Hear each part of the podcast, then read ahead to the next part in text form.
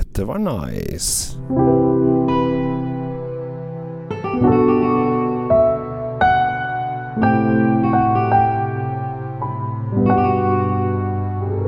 Hei, alle sammen. Eh, Hjertelig velkommen til en ny episode av eh, Kjell Svinkjeller. Jeg er eh, i Tyskland.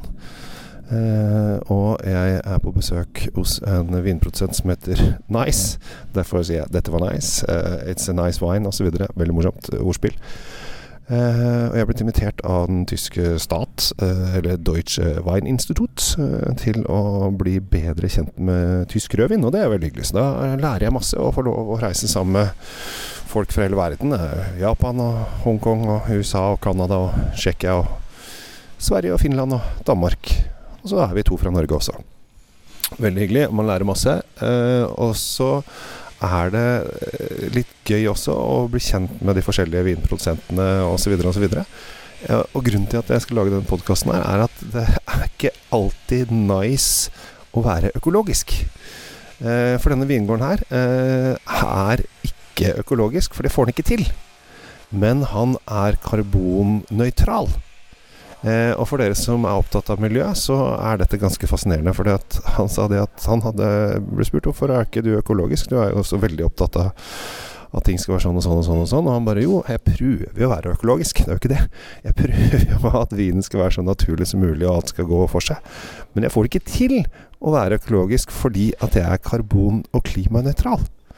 Eh, så det gikk rett og slett ikke an. Fordi at hvis han skulle vært økologisk, så må han eh, oftere med traktoren ut i åkeren og sjekke, ordne og styre. Og da eh, må han da eventuelt kunne kanskje få fått en eltraktor osv., men da bruker han strøm igjen.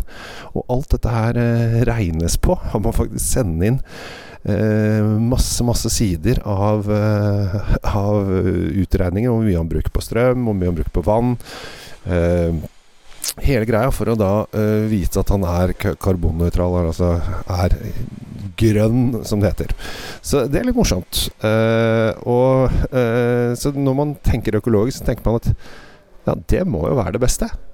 Men for han så er det faktisk noe som er enda bedre. Men vi vil kanskje ikke se på det som det aller beste. Så det er litt fascinerende og morsomt.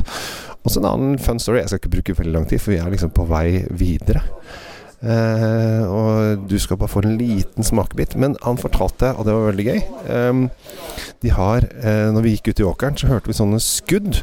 Det er sånne gasspatroner som driver og går av for å skremme bort fugler og sånn, så de ikke skal spise opp eh, druene sine.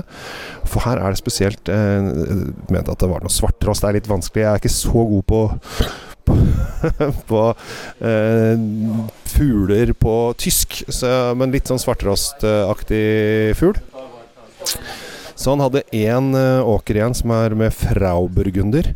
Og eh, han fortalte det at eh, på én dag, eller rettere sagt på to timer, så ble han angrepet av disse fuglene. Ikke han personlig, men vinåkeren hans ble angrepet av disse fuglene. Og ikke Frauburgunder, for det var den første, forresten. Det var den siste eh, åkeren han skulle høste.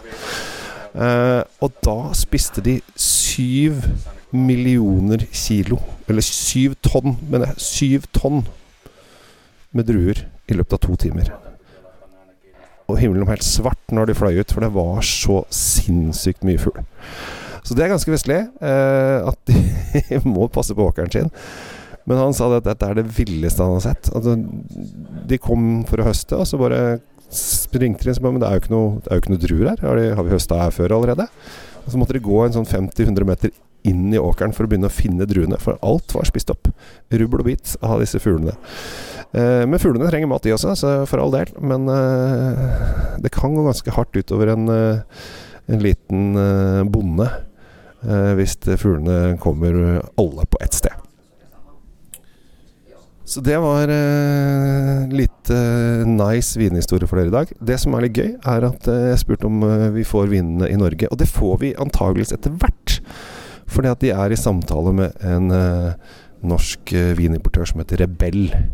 Som da skal eh, kanskje ta inn disse vinene. Så får vi se om de dukker opp. I hvert fall er det nå en uh, Chardonnayen hans er på en tender, som det heter. På Vinmonopolet. Så det kan hende at hvis den vinner den konkurransen, så kommer den Chardonnayen inn i eh, sortimentet i ett år. Og hvis den selger godt nok, så, så blir den værende også. De eksporterer til en del land, men det drikkes veldig mye her i Tyskland. Eh, men i Belgia annet så er vinene inne på ti Michelin-restauranter. Eh, og det kom opp fordi at vi spurte hvor lett er det å selge dyr rødvin eh, som koster like mye som fransk dyr rødvin, for at de dyreste vinene hans koster 600 kroner flaska her nede. Eh, og da sa han det at det går selvfølgelig ikke å selge det til Frankrike, for de vil jo ikke ha det. Men i Belgia der har de virkelig fått uh, sving på sakene, for de lager fantastisk vin. Og jeg har faktisk litt igjen i glasset her. Av den fine, fineste vinen hans. Og hvis denne kommer til Norge, da er det bare å, å glede seg, for her lukter det mørke bær, litt sånn sjokolade, mokka. Og dyp, moden morell. Og det som er så digg, er Når du får den i munnen, så er den frisk, syrlig og deilig. Så det er liksom, den lukter mørk, tung og kraftig. Så er den fortsatt frisk og flott syrlighet i bunnen. Så dette er skikkelig elegante saker. Så hvis du ikke Hvis ikke disse kommer til Norge, så må du ta turen til Nice. Og det er liksom midt eh, Kindersheim heter byen. Eh, litt sånn mid, Litt i middel av Norway. Eh, ikke så veldig langt eh, fra Hva kjenner vi noen byer? Eh, Ludvigshafen og Karlsroe er kanskje det som er i Og Worms, selvfølgelig. Worms. Eh, det vet alle hvor er. Alle kan noe om Worms. Du kan det. Og så ligger det da eh, på fjellkanten av da Rhin-elven-bassenget, for den går i midten litt lenger bort der. Da skal jeg få lov å sende deg videre på dagens oppgaver. Og så skal jeg bare si at dette her er kjempegøy. Eh, jeg lærer masse, og jeg syns det er gøy, og jeg visste ikke det, at eh, hvis du skal være klimanøytral, så kan du ikke være økologisk. Bare det i seg selv høres veldig rart ut.